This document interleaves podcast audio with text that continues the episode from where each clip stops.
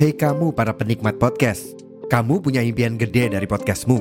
Tools di First Story bisa banget bantu kamu.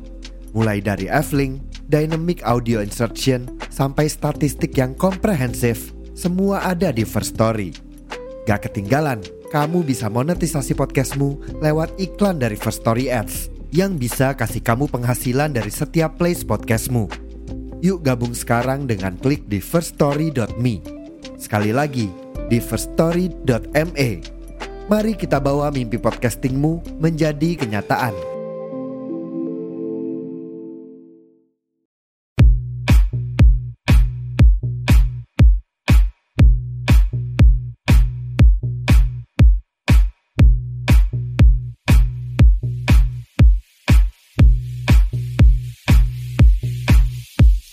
Halo, Assalamualaikum warahmatullahi wabarakatuh. Gimana kabarnya Bu Ibu di penghujung Oktober ini? Hopefully masih bisa tersenyum, masih tetap bahagia, masih gampang ketawa. Meskipun mungkin banyak rasa lelah dan juga rasa letih yang dirasain ya Bu ya. Sebisa mungkin kita harus bahagia Bu. And sometimes, in my opinion, bahagia itu doesn't cost so much ya. Dengan sesuatu yang murah atau sesuatu yang simple bisa loh bikin kita ketawa, menghibur diri dari segala kelelahan. Misalnya aja dengan scrolling medsos yang menyajikan reel berkonten komedi atau hanya dengan melihat tingkah lucu anak-anak kita yang masih batita, masih toddler gitu-gitu. Biasanya juga udah bisa bikin kita happy ya. Meskipun mungkin ibu bilang itu hanya sementara Bu Inung, karena sebenarnya yang capek itu pikiran. Ya Bu, at least adalah satu atau dua hal yang bisa bikin kita ketawa sejenak dan menghempaskan pikiran yang seperti benang ruwet gitu ya. Memang sih kita ini bukan lagi anak kecil yang gampang dibuat happy dengan hal yang simple ya. Kita ini adalah bu ibu gitu ya. Moms, mothers yang punya segudang superpower. Tapi di balik superpower itu ada hal-hal yang ternyata masih mengganggu pikiran kita atau lebih tepatnya masih gagal bikin kita terlena karena itu selalu ada di pikiran kita sebuah mental load atau beban pikiran dengan bobot sekian kilo yang gak mudah dibuang begitu saja. Apakah Bu Ibu pernah merasakan itu? Kita obrolin dikit ya tentang mental load dan kewarasan ibu tentunya bareng aku di sini Ibu Inung dalam podcast Bu Ibu. Podcast Bu Ibu. Podcast Bu Ibu by Ibu Inung. Podcast Bu Ibu by Ibu Inung. Bu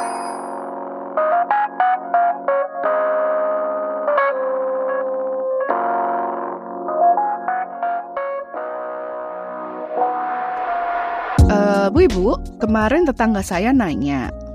Well, sebenarnya lebih ke confirm sih. Jadi dia betul uh, confirm ke saya begini. Eh, Bu Inung, kemarin-kemarin habis nonton konser ya, gitu. Terus aku jawab, iya. Terus dia bilang gini, wah seneng banget dong. Gimana rasanya? Gitu.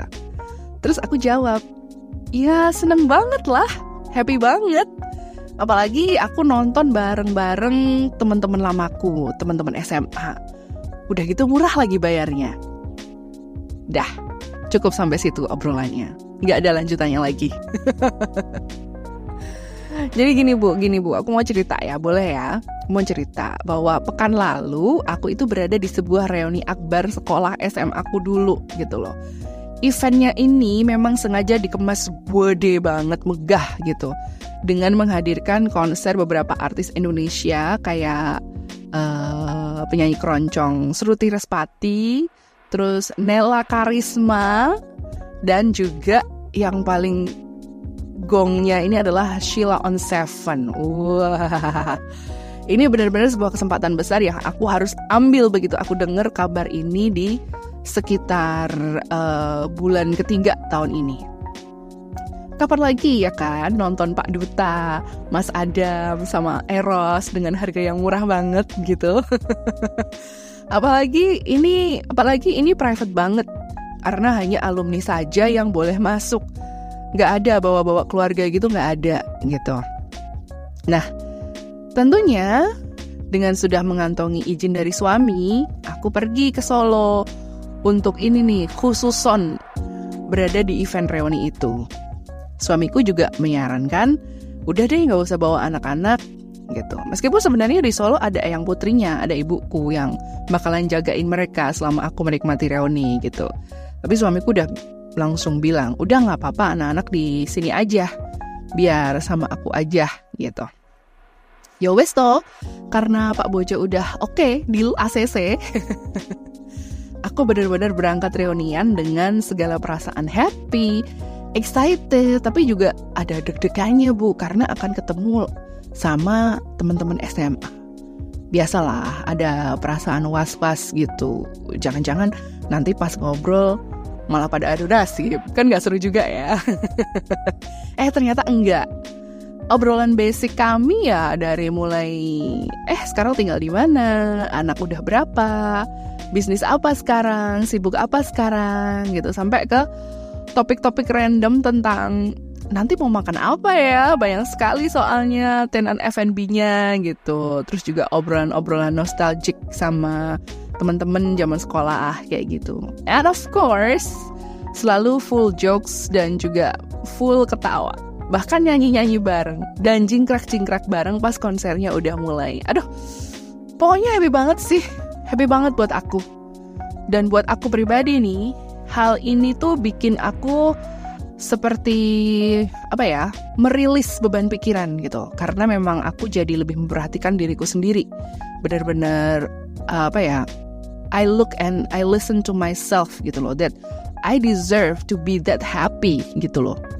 Ya bahwa ketika aku berada dalam uh, suasana reuni itu itu benar-benar ya I am being me gitu loh. Dalam artian ya udah ini teman-teman aku SMA jadi aku inget dulu gimana sih happynya waktu SMA bareng-bareng kayak gitu. Terus dengan suasana yang memang dibikin nostal nostalgic gitu ya ya beneran bikin aku happy aja kayak gitu loh. Ya and I and I realize that I deserve to be that happy gitu. Meskipun beberapa hari setelahnya aku kembali ke setelan ibu rumah tangga ya. Tapi at least mental load yang seminggu sebelumnya, bahkan mungkin sebulan sebelumnya, atau bahkan mungkin beberapa bulan sebelumnya hinggap di kepalaku, itu bisa terbuang karena terrilis dengan baik. Bu Ibu mungkin bertanya, apa harus dengan cara-cara seperti itu, Bu, agar mental load kita itu berkurang? Hmm, gimana ya? kita obrolin aja ya, lebih banyak di sini.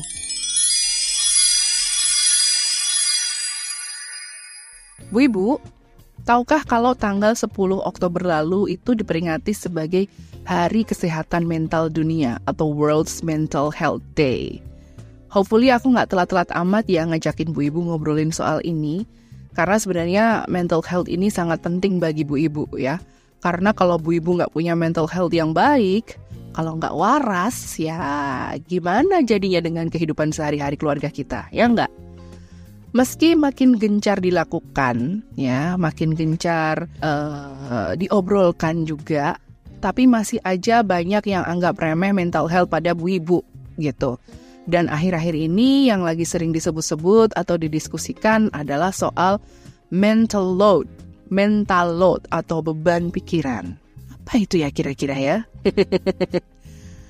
mental load atau beban mental gitu adalah sebuah pekerjaan non fisik Mental load atau beban mental adalah semua pekerjaan non-fisik yang melibatkan manajemen rumah tangga. Mental load ini meliputi tanggung jawab untuk memastikan bahwa semua urusan rumah tangga itu terselesaikan mulai dari mendata kebutuhan, mengurus pembagian tugas untuk anggota keluarga, dan memastikan tugas-tugas itu terselesaikan. Dan tanggung jawab ini sering kali justru lebih melelahkan daripada mengerjakan pekerjaan fisik.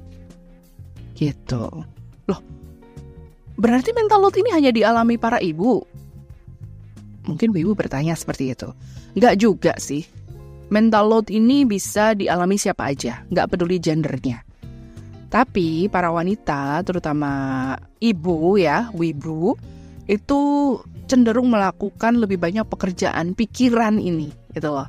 Terutama dalam hal mengantisipasi kebutuhan orang lain dan dalam hal memantau kemajuan, gitu ya. Progresnya udah sampai mana sih? Udah dikerjain bener apa enggak kayak gitu. Sering kan jadi pikiran seorang ibu, gitu kan. Bu Ibu sering ngerasa selalu capek. Bisa jadi karena Bu Ibu nggak cuman ngelakuin aktivitas fisik yang seabrek-abrek di rumah dan di luar, tapi juga karena memiliki mental load ini. Ibaratnya secara fisik, contohnya ibu cuma masak ya, pekerjaan fisiknya adalah masak gitu. Iya, cuma masak. Tapi mental loadnya adalah hari ini mau masak apa ya? beli bahan masakan apa aja ya di pasar? Kira-kira kalau misalnya cuma ngandelin bahan-bahan yang masih ada di kulkas gitu, bisa dipakai buat bikin masakan apa ya? Yang habis apa aja ya? Biar nanti sekalian dibeli. Itu contohnya. Jadi uh, beban pikirannya itu apa ya? berada di kepala ibu terus-menerus gitu loh. Hanya cuma untuk um, memikirkan sebuah pekerjaan fisik masak gitu. Contoh lagi, contoh lagi, masih dengan masak gitu ya, masih dengan pekerjaan fisik masak. Misal nih, bu ibu masih punya simpenan daging ayam. Pasti kemudian akan terjadi nih pekerjaan pikiran ini Misalnya, aku masih punya ayam di kulkas, enaknya dimasak apa ya? Digoreng? Apa disembur ya? Apa dipanggang aja ya? Kalau dibikin soto kayaknya enak ya. Kira-kira anak-anak doyan yang mana ya? Kalau anak aku nggak doyan gimana ya? Wah, aku harus masak menu lain nggak ya biar anak juga mau makan? dan masih banyak lagi pikiran-pikiran yang menjejali otak ibu. Perkara masak aja, kita mikirnya banyak banget. Ya nggak, Bu? Ya kan? dan bayangin aja, kita, Bu Ibu, itu secara otomatis melakukan itu untuk segala hal di rumah tangga. Mikirin baju belum disetrika, mikirin anak-anak udah ngerjain soal-soal hariannya atau belum, Aku harus punya waktu buat nemenin belajar yang masih kecil-kecil. Mikirin kapan mau beberes halaman. Tagihan-tagihan apakah ada yang belum dibayar. Belum termasuk hal-hal yang kita pikirkan tentang kehidupan pernikahan kita. Misalnya, kayak mau ngedit berdua sama Pak Su gitu. Sama Pak suami.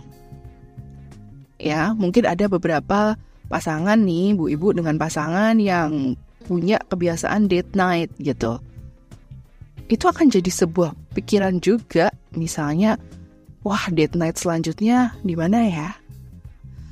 Kalau aku mau date night, anak-anak dititipin siapa ya? Sampai ke pertanyaan-pertanyaan di kepala yang mungkin mempertanyakan, Pak suami itu masih cinta mati sama aku nggak ya? Belum juga tentang pikiran untuk uh, aktualisasi diri gitu ya. Misalnya, wah besok kumpulan PKK pakai baju apa ya? Oh iya, nanti minggu depan ada arisan sama grup wali murid. Kira-kira aku bisa kasih ide apa ya? Gitu-gitu. Kayak aku nih misalnya, contoh aja nih, kayak aku nih, aku kan punya podcast ya. Mental loadnya adalah podcast episode berikutnya mau ngangkat topik apa ya?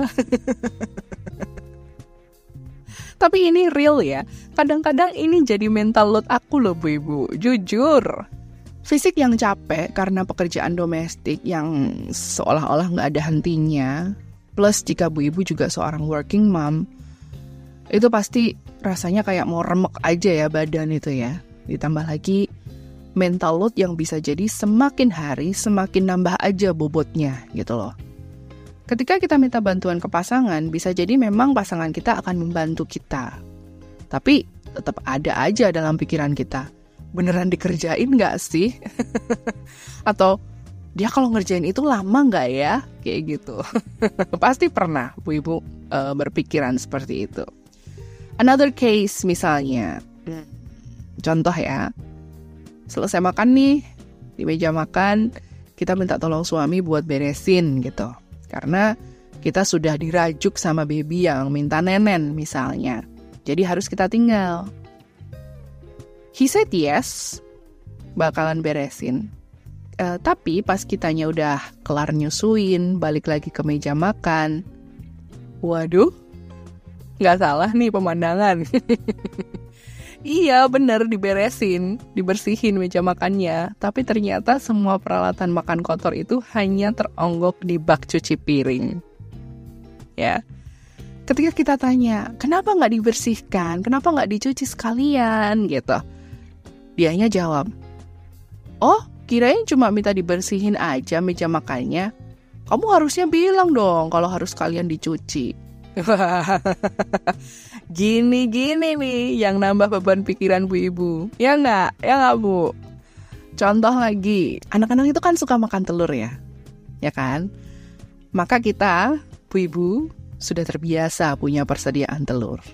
Nah, salah satu dari anak kita menggoreng telur yang paling akhir dari persediaan yang kita punya. Dan setelahnya, dia nggak bilang kalau telur itu habis.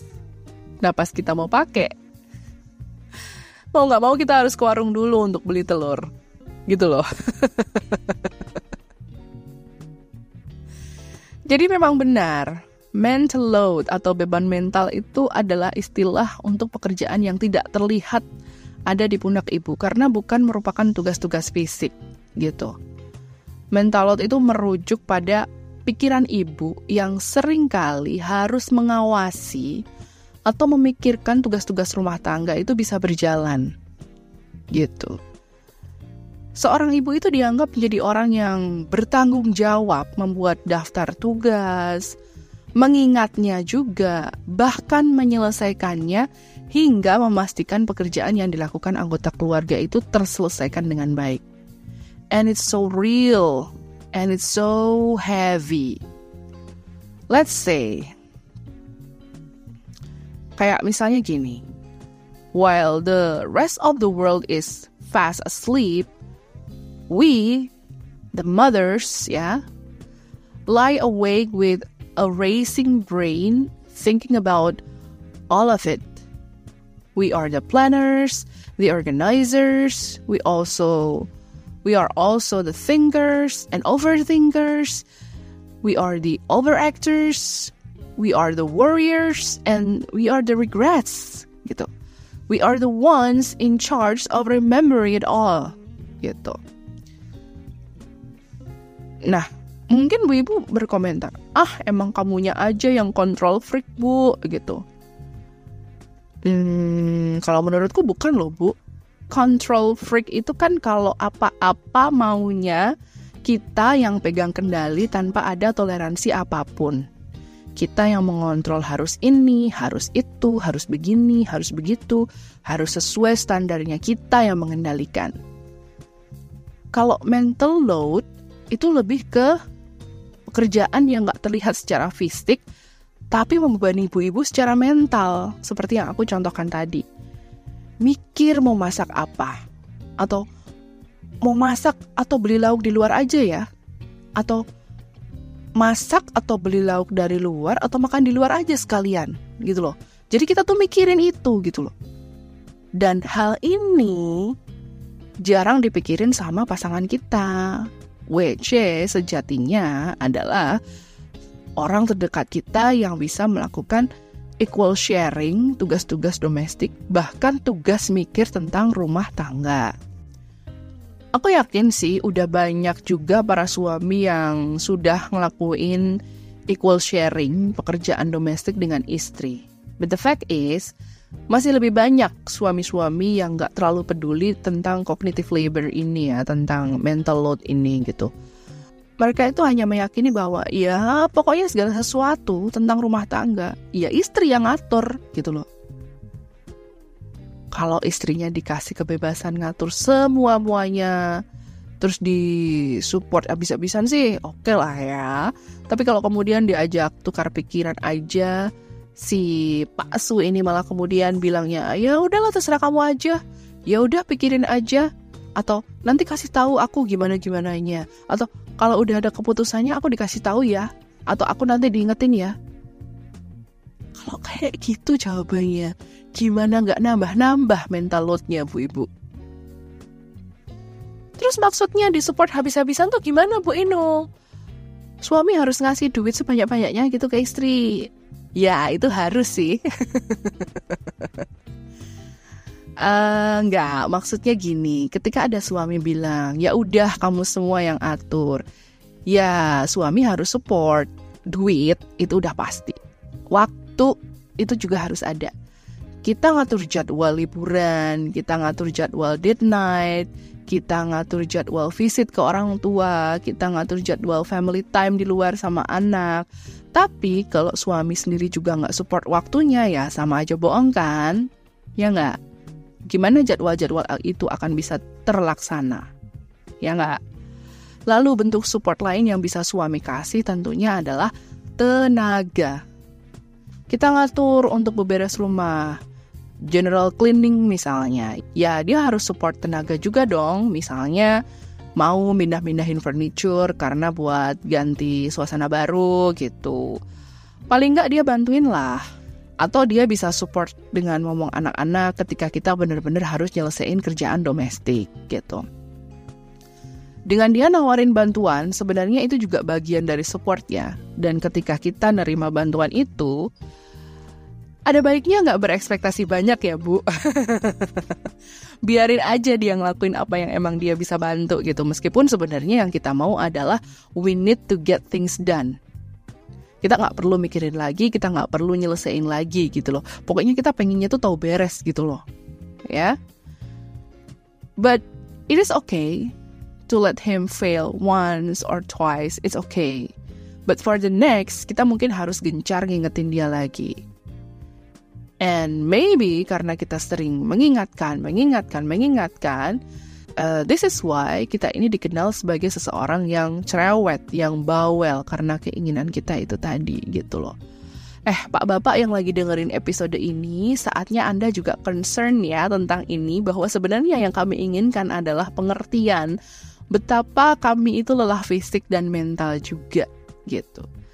Jadi kalau istri Anda di malam hari bukannya tidur tapi malah begadang nonton drakor, itu sebenarnya adalah salah satu cara merilis mental load yang ada. Ya, butuh sebuah hiburan mental agar otaknya tuh nggak mendidih gitu loh. Semacam kesegaran pikiran ketika anggota keluarga yang lain udah terlelap tidur dan tidak menuntut seperti di waktu siang hari gitu. Drakor itu jadi semacam refreshment gitu loh. Jadi pak bapak yang istri-istrinya suka sama drakor nggak usah cemburu. Apalagi cemburu sama aktor Korea. Gak guna cemburu kayak gitu. Karena apa? Kami ini hanya sebatas menikmati visual ya, mengagumi tokoh rekaannya sutradara. Gak ada maksud buat memiliki, karena kami ya we just love you pak gitu loh kami itu hanya cinta kamu the one and only gitu Terus kalau misalnya bu ibu izin mau ketemu kumpul-kumpul sama temen-temennya, walau cuma bu ibu wali murid, ya biarin lah. Karena itu jadi sarana berkomu, karena itu jadi sarana berkomunikasi yang nggak melulu mikirin besok mau masak apa gitu. Yang penting bisa ketawa hahaha hahaha kayak gitu. Terus nih Pak ya, kalau Bu Ibu pengen me time dengan merawat tubuhnya di spa gitu misalnya atau merawat rambutnya di salon ya, tolong diizinkan. Siapa tahu Bu Ibu setelah itu bisa merasa jadi lebih cantik bagi bidadari, lebih bugar, lebih fit bagaikan Wonder Woman setelahnya ya kan. Jadi kayak udah nge-recharge diri sendiri gitu loh. Dan kalau udah gitu tuh rasanya tuh akan beda. Dia ibu-ibu tuh akan merasa lebih siap gitu loh untuk menghadapi load yang beda lagi. Gitu. Terus misalnya Bu Ibu pengen nonton bioskop, nonton konser, atau pergi karaoke, bisa nyanyi-nyanyi dengan bebas dan lantang tanpa mengusik ketentraman tetangga. Itu sebenarnya bisa jadi opsi juga biar bu ibu itu bisa merilis mental load-nya dan menjaga kewarasan dirinya. Dan yang paling penting sih, panjenengan itu loh Pak Suami, ya. Pak Suami paling penting adalah selalu ada di sisi bu ibu kapan pun dibutuhkan. Bahkan hanya untuk sekedar memeluk dan membuat kami para istri ini nyaman setelah hari yang berat kayak gitu. Ya, ya Pak ya. Bu Ibu, ketika sudah dirasa mental lo terlalu berat, jangan coba untuk diabaikan gitu aja ya Bu Ibu bisa minta bantuan ke orang yang paling Ibu percaya dan bisa dengan mudah menerima dan memahami kondisinya Bu Ibu gitu. Ibu juga bisa meringankan mental load itu dengan salah satunya adalah dengan menuliskan apa-apa saja yang ada di pikiran Ibu agar terurai satu demi satu sehingga bisa dicari solusinya. Nah, mungkin Bu Ibu pernah dengar journaling ya. Nah, ini yang dinamakan journaling Mungkin Ibu pernah dengar tentang writing for mental health atau menulis untuk kesehatan mental. Ini sangat bermanfaat untuk mengurangi kecemasan, menciptakan kesadaran diri, terus juga bisa mengatur emosi, sekaligus juga bisa ngebantu ibu agar lebih terbuka kepada orang dan bisa membantu ibu dalam merenung gitu.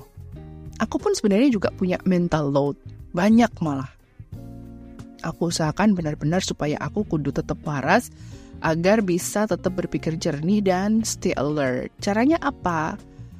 Caranya gampang aja sih. Aku kadang nggak terlalu mikirin cucian piring, nggak mikirin cucian baju, nggak mikirin setrikaan, nggak mikirin masak. Aku kadang biarin anak-anakku bebas nggak belajar. Aku kadang hanya scroll IG dan dengerin musik seharian, plus nonton drakor berjilid-jilid gitu. Bahkan kadang cuma chattingan dengan teman-teman di grup WA yang isinya kocak-kocak gitu ya. Sampai bikin sakit perut karena nggak berhenti ketawa gitu. Nah itu salah satu cara yang bisa aku lakukan. Nggak salah satu sih, banyak cara gitu ya. And we are allowed to do it, Bu. Demi kesehatan mental kita. Ingat, ingat, ingat, Bu. Ibu itu kudu waras ya. Seorang ibu itu kudu waras kudu bregas, kudu cadas gitu juga. Harus juga kudu beringas gitu. Nggak ada waktu buat menye-menye kayak gitu ya. Terus juga dengerin podcast ini pun bisa sambil sat-sat buat buat dastes gitu. Karena podcast ini kan memang disetting untuk bisa didengerin di mana pun, kapan pun, dan sambil ngelakuin apa pun gitu ya. Dan semoga aja episode kali ini bisa bikin ibu lebih aware dengan mental load, bisa jadi bahan diskusi juga dengan pak suami, dengan anak-anak juga, supaya mental load bu ibu ini bisa paling tidak sedikit berkurang kayak gitu. Oke, okay? thank you so much for being here with me. Anyway, I wish you are happier day by day. Iya bu. Silakan DM ke akun IG at podcast Bu Ibu untuk usulan tema atau misalnya mau curhat doang sama aku, it's fine. Don't forget to leave your comment to this podcast ya. See you on my next episode of Podcast Bu Ibu with me, Ibu Inung.